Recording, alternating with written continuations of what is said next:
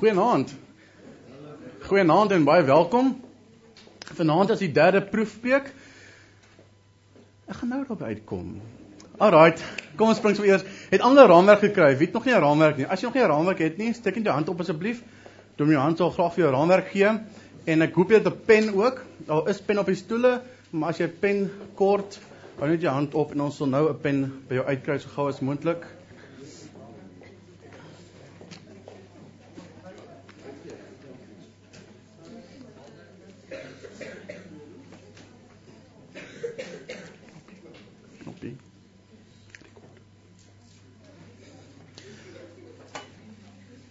Alraai, ek is baie bly om te sien ons dat ons so vol is vanaand. Ek het regtig nie geweet hoeveel mense gaan opdaag nie.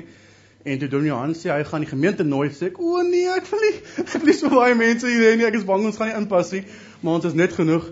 Maar ek is baie bly dat julle hier is en ek hoop van harte dat elkeen van ons vanaand iets huis toe sal kan vat, dat ons bemoedig sal wees, maar ook uitgedaag sal wees met vanaand se boodskap. Julle kan so lank sommer met blaai asseblief na 2 Korintiërs 2 vers 12 2 Korintiërs 2 vers 12 tot 17. Dit is ons hoofteks vir die aand en ons gaan eers daarmee begin. 2 Korintiërs 2 vers 12 tot 17. Ek lees vanuit die nuwe vertaling vir die wat saam met my volg. Dis Paulus wat hier skryf. Paulus skryf en hy sê: "Toe ek in Troas gekom het om die evangelie van Christus daar te verkondig, het die Here die deure vir my wyd oopgemaak. Tog het ek nie gemoedsrus gehad nie omdat ek my broer Titus nie daar gekry het nie. Daarom het ek van die mense daar afskeid geneem en Macedonië toe vertrek. Vers 14. Maar aan God die dank, hy voer ons altyd saam in sy triomftog omdat ons een is met Christus. Deur ons versprei hy die kennis van Christus oral soos 'n aangename geur. Ons is die wierook wat deur Christus vir God gebrand word waarvan die geur die bereik wat gered word, sowel as die wat verlore gaan. Vir die wat verlore gaan, is dit 'n doodsreuk wat dood bring. Vir die wat gered word, is dit 'n lewensgeur wat lewe wek. En wie en wie is tot sulke dinge in staat? Ons, omdat ons nie is soos baie ander wat geld maak uit die woord van God nie. Ons verkondig die woord in opregtheid en verbondenheid met Christus in opdrag van God en in verantwoordelikheid aan God. Kom ons sluit die oë. Vader ons gaan vanaand na u woord kyk. En Here, u het die woord vir ons gegee en ons weet dit is heilig geïnspireer. En Vader, wat u sê is goed, is opbouend, is waar, is reg. En Here, ek vra dat u asseblief vir my sal help dat ek die woord reg sal oopmaak, maar dat u ook elkeen van ons uitdaag dat ons uitgedaag sal wees as ons van huis toe gaan, ons aan hierdie dinge sal gaan werk, daarna gaan kyk, maar ons ook bemoedig sal wees om moeite te maak daarvoor. Ons sê vir U dankie vir U teenwoordigheid. Amen. Vanaand se titel is brand jy. Wie van julle het gedink o, jene, brand jy, dit verwys na iets slegs soos die hel of iets soos dit. Het enigiemand so gedink? Niemand nie. Hoe julle neem dit aan dit gaan 'n positiewe boodskap wees. Alraight. Paulus skryf hierso in 2 Korintiërs 2 vers 12 en Paulus is in is in Troas. Sê gou 'n bietjie agtergrond rondom die teks. Nou Paulus is op derde op sy derde sendingsreis. Hy het die gemeente in Korinte geplant en hy is baie lief vir die gemeente en in sy eerste brief aan Korinte van 1 Korintiërs het hy 'n baie sterk en harde boodskap aan hulle geskryf, 'n brief hulle geskryf en hy het sonde aangespreek. En hier kom hy in Troas en die Here maak hom al die deure oop, dis nou na 1 Korintiërs om die evangelie te deel, maar hy het nie gemoedsrus nie want hy wil hoor by Titus hoe die wat het gebeur. Het hulle my brief goed ontvang? Is hulle hartseer, is hulle bedroef of is hulle opgebou? En hy wag vir Titus en hy gaan terug na Macedonië toe om vir Titus te soek. En as hier in Macedonië waar hy vir Titus vind en hy die teks vir ons skryf. Paulus skryf oor ons wat in Christus triomfeer. Hy sê ons neem deel aan 'n triomftog saam met Christus en hierdie triomftog waarin ons deel is verwys na die evangelie wat ons ook uitdra, die gee wat ons afgee. En Paulus noem twee beelde, twee beeldspraak wat hy gebruik. Die een is 'n triomftog en die ander een is die wierook. En vanaand gaan ons op die twee fokus en ons gaan kyk wat bedoel Paulus as hy sê ons moet gebrand word vir die Here. So dis wat die tema vir vanaand wys. Ek vra vir on, vir jou en vir my af, brand jy? Brand ek? Brand ons vir die Here? Die triomftog wat Paulus aan verwys. Ons kan nie net aanneem dit verwys na 'n Romeinse triomftog nie. Ons moet seker maak dat dit die regte beeld is waarna hy verwys. En die woord triomftog word nog net op een ander plek gebruik in Kolossense 2 vers 15 waar Paulus skryf en hy sê God het elke mag en gesag ontwapen en hulle in die openbaar vertoon deur hulle as gevangenes in die triomftog van Christus mee te voer. So ons weet dat die triomftog verwys na dieselfde tipe triomftog en dit is 'n Romeinse triomftog. En ek wil julle kortliks 'n bietjie vertel rondom die Romeinse triomftog en waar hierdie beeld en die wierook bymekaar kom en hoekom Paulus daarna verwys. Chris, jy van brief om foto 5 kan opgooi. Die Romeinse triomftog is 'n spesiale spesifieke triomftog wat die Romeine ge gehou het. Wanneer 'n generaal 'n groot oorwinning behaal het oor 'n nasie in 'n oorlog en hy teruggekom dan die keiser spesiale toestemming gegee dat hy 'n triomftog mag hou. In hierdie triomftog gaan kom die hele stad saam, hulle vee, hulle vier fees en is opgewonde en is 'n een groot partytjie omdat hulle bly is want die generaal het namens namens Rome oorwinning behaal oor die vyande. En dis wat ons hierso sien. Hier in die middel kan jy sien hierso is die generaal sou dan wees en hy kom op sy perde deurgestap en almal staan en wag vir hom. Op hierdie triomftog dis 4 km lank. Dis nie baie lank nie, maar hierdie triomftogte kon tot 3 of 4 dae gehou het. Soos hulle hierdie 4 km stadig deurstap en almal sing en hulle hom op en hulle vrewe hom. Hulle prys hom soveel, hulle lig hom op amper tot op dieselfde vlak as keiser en selfs van Romeinse gode. So is 'n baie spesiale geleentheid en word nie sommer net uitgedeel nie. Aan die einde van die triomftog kom hulle by 'n tempel uit waar hulle aan hulle gode offergawe gee en die gevangenes, as hulle gevangenes by hulle het, word die gevangenes weggevat en doodgemaak.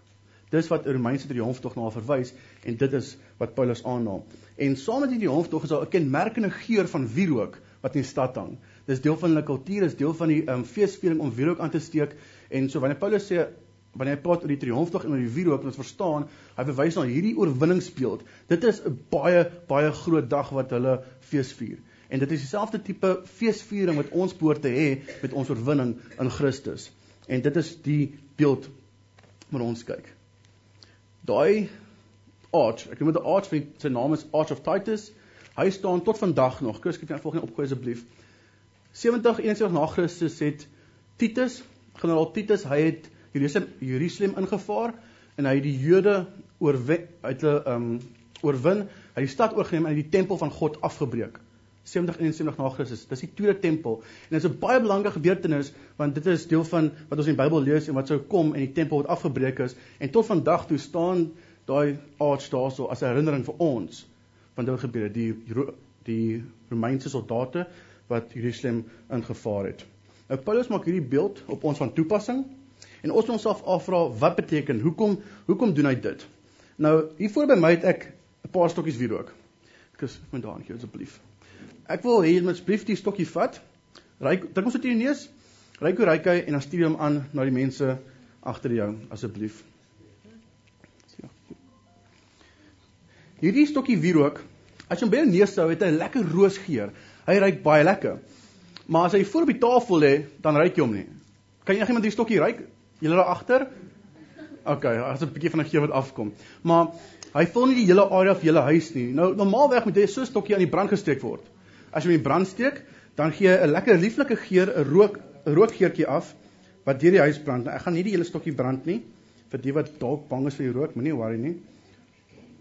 O, oh, moet te vroeg af op blaas. Alrite. Wanneer die stokkie in brand gesteek word, dan blaas jy hom dood en hy begin smeul. Hy gee die lieflike soet reuk af wat reg deur die hele huis syfer. En In die stad het hulle hierdie stokkies aangesteek en dit swaar in die lug gehang, en net so ek en jy is soos 'n stokkie wierook.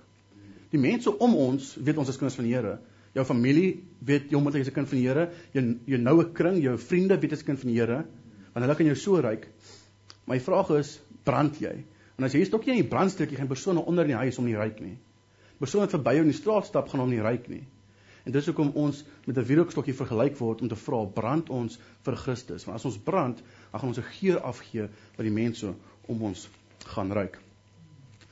Wat belangrik is om te weet, in die Ou Testament was daar baie offergawes gebring aan God.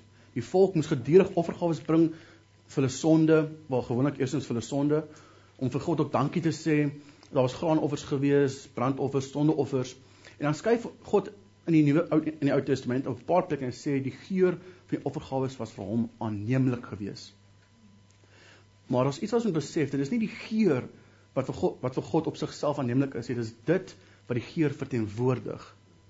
Dit wat die geur verteenwoordig, dit is wat vir God aanneemlik is. So ons kyk twee tipe maniere van brand. En dis waarna ons vanaand kyk. Op die raamwerk vraag is hoe moet ons brand? Hoe moet ek en jy as kind van die Here brand? Nommer 1 ons moet ons lewe as heilige offer aan God gee. Ons moet ons lewe as heilige offer aan God gee. Ons lees in 2 Korintiërs 2 vers 15 waar Paulus sê ons is die wierook wat die Christus vir God brand. Vanoggend toe Dr. Rudy sy boodskap boodskap gebring het vir die Gideons vir die wat in die kerk was. Dit was vir my 'n baie mooi boodskap geweest want vanoggend se boodskap en die opening met Alex by die diensspan is het vir my almal in lyn getree met die boodskap van van vanaand. En Dr. Rudy het juist dieselfde teks aangehaal wat ek nou ook aanhaal en dit is my bemoediging geweest want dit wys van die boodskap wat ek op my hart het. Gelukkig reg die Here het my gegee, dis nie net toevallig nie want niks is per toeval nie. Romeine 12 vers 1 sê: "Gee julleself aan God as 'n lewendige en heilige offer wat vir hom aanneemlik is." Dit is die wesenlike van die godsdiens wat jy moet beoefen. Ek en jy as kind van die Here is eerstens afgesonder vir God.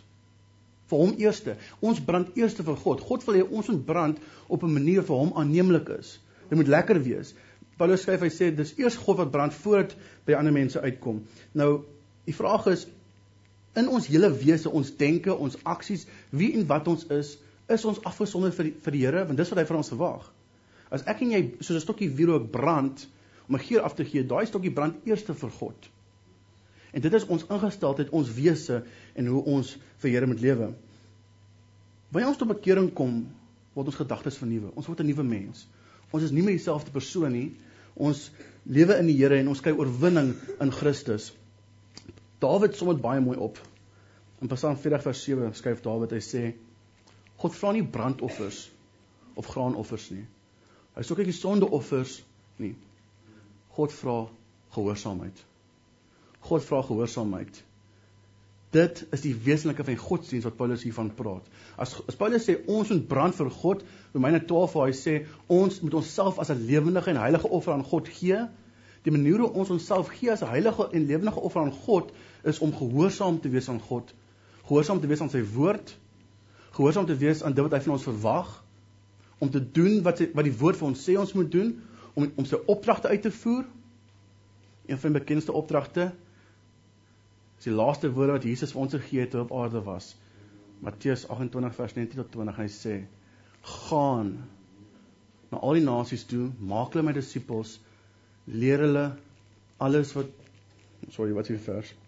Ehm um, gaan dan na al die nasies toe, maak die mense my disippels, doop hulle in die naam van die Vader, die Seun en die Heilige Gees en leer hulle om alles te onderhou wat ek julle beveel het. En onthou, ek is by julle al die dae tot die volëinding van die wêreld." Wanneer ons aan God se woord gehoorsaam is, moet ons leer om nee te sê. Ons leer om nee te sê vir die sonde in ons lewens. Nee te sê vir die slegte dinge, Satan en sy versoekinge. En terselfdertyd moet ons ook leer om ja te sê. Ons moet leer om ja te sê vir God. Ja te sê vir sy woord. Dominee het laasweek ook 'n mooi boodskap gebring vir ons oor dit waarvoor ons moet ja sê. Maar ek vra wie was laas Sondag in die kerk gewees met Dominee se boodskap oor leer om ja te sê. Hy het vier dinge genoem, vier dinge wat ons vir moet ja sê. Die eerste een was ons moet leer om ja te sê vir die Heilige Gees. Ons moet leer om ja te sê vir die Here se roeping. Ek sê ons moet ja sê vir die belangrike mense in ons lewens en ons moet ja sê vir die gemeente. Die Here het aan die kruis gesterf vir my en jou sonde. God het met, met God het in Christus se kruisiging 'n oorwinning aangekondig. Hierdie triomftog wat God van praat, Christus hang aan die kruis en hy triomfeer met Christus aan die kruis en hy, hy het Satan en die bose magte as gevangenes en ons is deel van daardie oorwinning en ons loop saam met hom en ons is deel van dit. Wys ons lewe dit. Is ons ingesteldheid van so aard as mense na ons kyk, weerspieël ons lewens iemand wat in oorwinning lewe saam met die Here? Iemand wat aan God vashou en 'n voorbeeld kan wees? Want daai kus af foto 5 asseblief. Daar waar die mense daar buite staan om die triomftog. Daai mense staan nie daar en hulle lyk soos gewone mense. Jy kan sien hulle hou partytjie, jy kan sien hulle staan op aandag en so behoort ons te wees wanneer ons op aandag staan met die Here saam met Christus. Ons is oorwinnaars. Ons dien die Allerhoogste en die Allerheiligste God. Mag ons lewens dit weerspieël. Sê ja vir die Here Jesus. As jy nog nie vir die Here ja gesê het nie, as jy nog nie saam met die Here deelneem aan hierdie triomftog vir God en jy wil ek jou vra hoekom maak jy nie reg nie? Wat keer jou? Is jy deel van hierdie triomftog waarin Christus meegevoer word en ons saam met hom in die pad afstap? Die Here het vir my en jou aan 'n kruis gesterwe en hy het ons sondes vergewe want God wil 'n verhouding met my en jou hê. Ons moet hom dien en die Here wil hê ons moet 'n verhouding met hom lewe. Ons moet regmaak en ons moet nie uitstel nie. Ons lewens moet brand vir God. Die mense daar buite moet kan sien ons is kinders van die Here. Hier is stokkie aangesteek word. Hulle moet die rookie kan sien brand. Die Bybel sê ons is 'n lig op 'n berg vir die mense. Ons is 'n voorbeeld vir die mense. Ons moet die waar kan ons gaan met ons lig laat skyn? Ons die evangelie verkondig. Ons moet vir die mense kan wys ons is kinders van die Here. Brand ons so. As ons brand, dan moet die mense weet dat ons saam met God is. Maar dis nie vir God wat ons ook brand nie. Paulus skryf en hy sê ons brand eers vir God. Maar vir wie brand ons nog? Ons naaste? Vir die wêreld daar buite. Die rook trek uit. As jy heeldag lank wierook in die huis brand, die mense wat nie saad of byloop het ook begin ruik. So word so moet ons ook wees. Dis om 'n twee op die raamwerk. Ons moet die kennis van Christus versprei. Hoe brand ons? Ons moet die kennis van Christus versprei. 2 Korintiërs 2 vers 14 Paulus skryf en sê deur ons versprei hy die kennis van Christus oral soos 'n aangename geur. Ek lees in vers 15 verder. Hy sê waarvan die geur die bereik wat gered word sowel as die wat verlore gaan. Vir die wat verlore gaan is dit 'n doodsreuk wat dood bring. Vir die wat gered word is dit 'n lewensgeur wat lewe wek. Kus foto 7 asseblief in die triomf eh, gedurende hierdie Romeinse triomftog die generaal het gewoonlik gevangenes teruggebring as hulle gevang het. Ek het hier geomkring, jy kan sien hier in hierdie lang prosesie is die Romein is die gevangenes, hulle is geboei, hulle loop saam met die triomftog. Nou in die stad waar hulle fees vier vir die mense in die stad, is dit 'n lekker ding. Hierdie lekker soet reuk wat hulle ruik, dis hulle lekker. Hulle is besig om oorwinning te vier. Hulle is opge hulle gees is opgelig. Hulle sien uit na wat aangaan. Dis 'n lekker soet reuk. Maar vir gevangenes, hulle ruik daai soet reuk, maar waar dink hulle? Hulle dink nie, "Hey, dis lekker. Ons gaan partytjie hou vanaand nie." Nee, hulle dink aan die dood lê van my voor. Aan die einde van hierdie optog gaan daar nie iets goed met my gebeur nie, dis verseker. En net so is dit met ons wanneer ons die evangelie verkondig en uitdra na die wêreld toe. Vir die wat gered is, vir hulle gaan opbou, dit gaan vir hulle lekker wees. Dit gaan hulle bemoedig. Maar vir die wat ongered is, gaan dit nie lekker wees om die evangelie te hoor nie.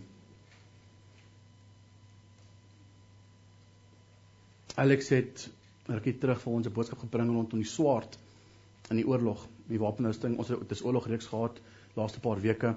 Hy het iets van gesê by my gebly, gesê die swaard sny binne toe. Die woord van God sny binne toe. En wanneer ons die evangelie verkondig, wanneer ons die evangelie deel met die mense daar buite, by gevangenes, sny dit hulle want hulle wil dit hoor. Niemand wil hoor ek gaan hel toe. Dis nie lekker om te hoor as iemand vir jou sê, hoor jy het sonde in jou lewe. As jy nie 'n verhouding met God het nie, gaan jy nie hemel toe gaan nie. Daar's 'n hel wat wag van God moet sonde straf. Mense wil dit nie hoor nie. Dis nie vir hulle lekker nie.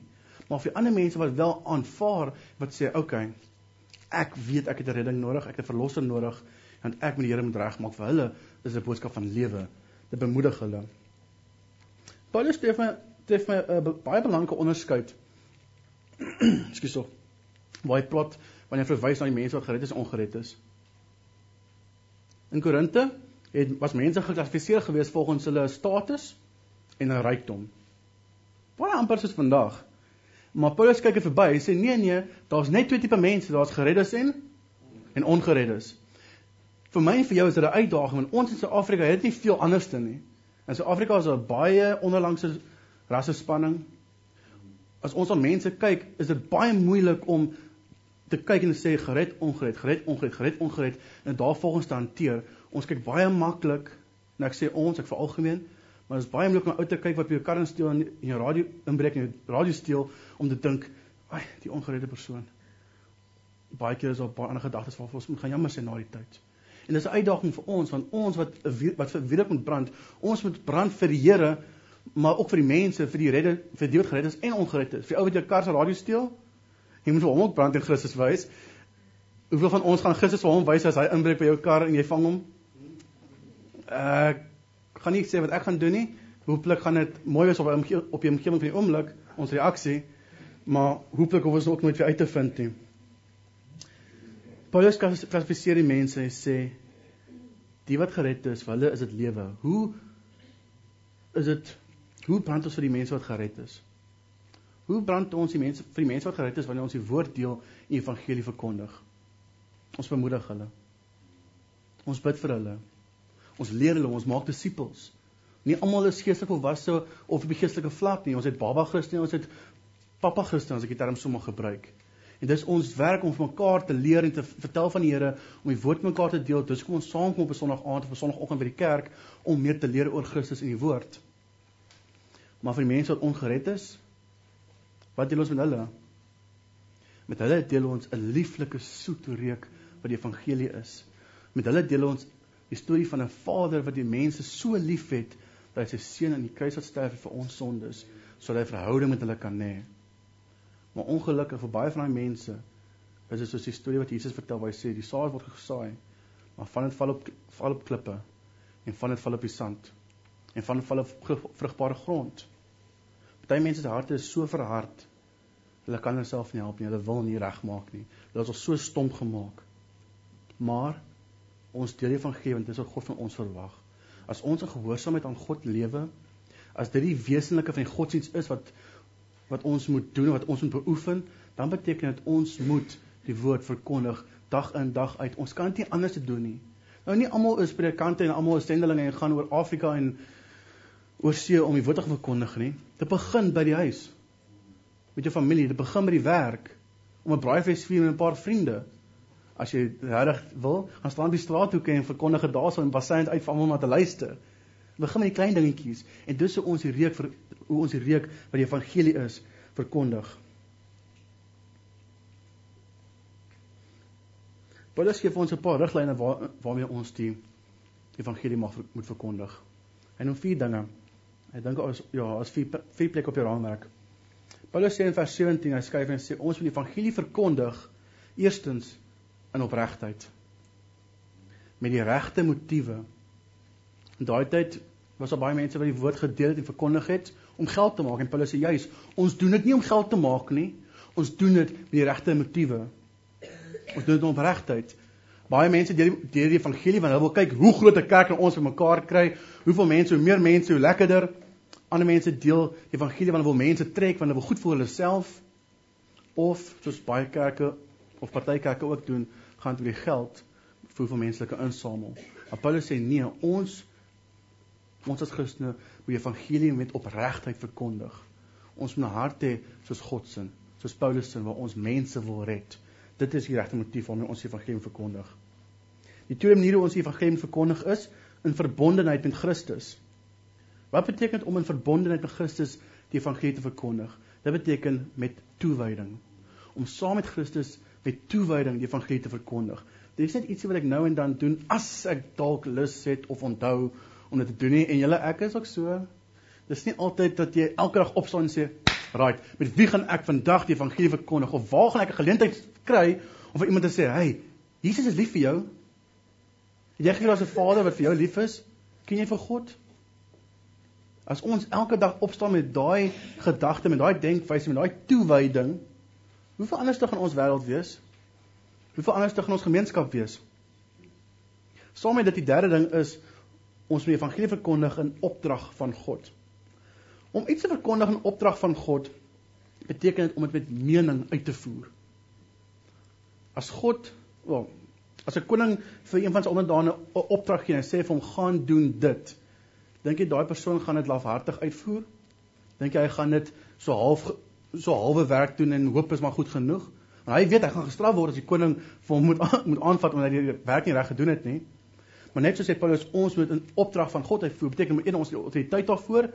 Jesus het gesê, Jesus het gesê, alle mag in die wêreld behoort aan my, gaan en maak disippels. Maar ook met mening. En die laaste manier en hy's ook baie belangrik en dit is ons moet ons ons moet die evangelie verkondig in verantwoordelikheid aan God. Verantwoordelikheid aan God. Dit beteken ons moet die evangelie reg uitdra.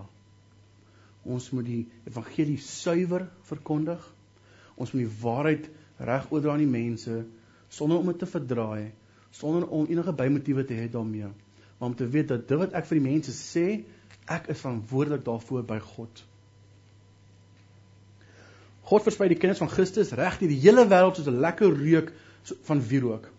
Hy doen dit deur middel van ons. Hy doen dit deur middel van ons, die prediking van die woord, die getuienisse wat uitgedeel word van Christus.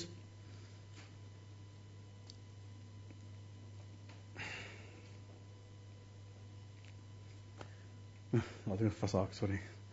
Aan die een, een ding wat ek verkeerd verstaan het al die jare en dis net nie meer gaan ek afsluit. Ek het altyd gedink om aan die brand te wees vir God beteken dat ek in tale moet praat of dit beteken dat ek een of ander heilige belewenis moet ervaar of of of hierdie snaakse belewennisse moet kry om te kan sê ek is aan die brand van God. Toe ek op skool was, die, ek dink jy was 'n charismatiese kerk en skool gewees, dit was 'n Christelike skool gewees, maar die mense altyd op en af gespring met die sang en dan het ek gedink, "Here, maar ek is nie ou wat op en af spring nie, is daar 'n fout met my?" Want hierdie ou langs my is baie meer aan die brand vir Here as ek aan die brand is. En dit het my baie laat voel ek tekort skiet my verhouding met die Here waar ek begin vra ek my Here, het ek, ek is ek regtig lief vir U? Maar Here, ek is baie lief vir U. Maar ek spring op en af soos die mense gaan te keer nie. Ek doen nie wat die charismatiese kerke en ander mense doen nie. En dis van ek my mate van hoeveel ek hoeveel ek brand gekoppel het. Maar jy ons Paulus sê nee om in die, om in die brand te wees vir God beteken ons moet ons lewens as 'n heilige offer aan God gee waar ons gehoorsaam is aan die Here. Die oomblik as, as ek dit besef, dan besef ek maar Here, ek is gehoorsaam aan U. Ek is lief vir U. Ek brand vir U. En wanneer ons die evangelie verkondig, dan ons weet dis die opdrag wat ons uitvoer. Ons deel die geur deur Christus as ons kondig gee van evangelie. Ons moet weet wat dit beteken om in die brand te wees. Die vraag is watse reuk gee ek en jy af vir die mense om ons? Watse reuk gee ons af wanneer ons deur moeilike omstandighede gaan as die byl op jou voet val? Watse reuk gee ek en jy af as iemand die straat verby ons stap? Gee ons die reuk van Christus af? Of gee ons die reuk van die wêreld waar ons daardie onderskeid, daar kan nie onderskeid getref word tussen die wêreld of tussen 'n man van God nie of 'n vrou van God nie. Wat se reuk gee ons af? Lewe ons in gehoorsaamheid aan die Here? Lewe ons in gehoorsaamheid aan sy woord? Maar as dit is as ons dit doen, dan gaan ons die regte geur afgee. Ons kan nie die regte reuk afgee as ons nie by die Here uitkom en gehoorsaam wat jy van die woord en tyd maak vir die woord nie. Dalk voel jy maar daar is alles in my lewe waar ek nie reg brand nie. Daar's alles waar ek dalk beter kon brand waar ek eintlik die wêreld probeer gelukkig hou, maar in sekere omstandighede of in binne sekere kringe probeer ek brand probeer ek my geestelike wil ook aan te steek as ek dit so kan stel dalk moet ons regmaak. Dalk sê iemand wat sê maar ek het nog nie vir God ja gesê in gehoorsaamheid nie. Ek het nog nie vir God ja gesê en sê Here, ek wil 'n wierook wees wat vir U brand en lieflike geur deur die wêreld versprei nie. As daar iemand is wat so wat vanaand hier is wat sê ek brand nie soos ek behoort te brand nie, dan wil ek iemand saam met my bid. Ek wil net saam met my bid. En as jy verder gebed nodig het, ek, Dominee en Alex is hierso. As jy verder gebed nodig het, moet nie uitstel nie. Here Jesus, is op pad. En ons het 'n reuk wat ons moet uitdra. Ons het 'n reuk om te versprei sodat die mense tot bekering kan kom. En dit moet my en jou hart wees. Kom ons bid. Vader, U is ons God. Here, U is ons koning wat oor hierdie hele aarde en hierdie hele al regeer. U het alles gemaak. En Vader, toe U sien dat die mens sondig, was U Ek is seker u u hart moes gebroken gewees het. U het dadelik 'n plan gehad. U het gesê u gaan u seun stuur en hy kruis het sterf vir ons sondes, Here, sodat ons 'n verhouding met U kan hê. Vader, as gevolg van U wat U oorwinning oor Satan aangekondig het aan die kruis, Vader kan ons oorwinning hê in Christus, ons kan oorwinning hê in U en ons kan weet dat Vader, die dinge wat ons terughou, die dinge wat ons Here, die dinge wat 'n 'n lelike geur afgee, wat 'n stinkgeur afgee, Vader, daai dinge kan ons op sy sit en agter ons sit en ons kan vorentoe beweeg. Vader, kom help ons daarmee. Vader, help my om aan u beloftes in u woord vas te hou. Here, dat ek myself sal sal herinner aan die oorwinning wat ek in u het. Vader, help my ook om aan die brand te wees vir u. Vir die mense om my dat hulle die evangelie sal kan ry kan my Here Jesus. Mag elkeen van ons so wees, Vader, waar ons in die week huis toe gaan, waar ons by werk is of by skool of waar ook al Vader, dat ons die geur van u saam met ons dra. Here, kom bemoedig ons en gee vir ons die krag om aan u gehoorsaam te kan wees en om u woord uit te kan dra. Ons sê vir u dankie daarvoor. Amen. Amen. Mag ons weer as 'n bemoediging huis toe vat. Drie dinge. Hier's 'n uitdaging, net 'n klein uitdaging. Hierdie week as ons huis toe gaan, by die werk waar ook al, probeer met drie mense hierdie week met wie normaalweg nie so praat oor oor die Here nie met wie nie normaalweg 'n gesprek jy so aanknop nie, probeer met hulle 'n bietjie te gesels, probeer met hulle te vertel oor Jesus of te vra, "Hey, waartoe gaan jy kerk?" of nooi hom kerk toe. Praat met drie mense met wie, met wie jy nie normaalweg sou praat nie en mag dit vir ons uitdaging wees. Die Here seën vir julle. Mag julle lieflik aan verder hê. Amen.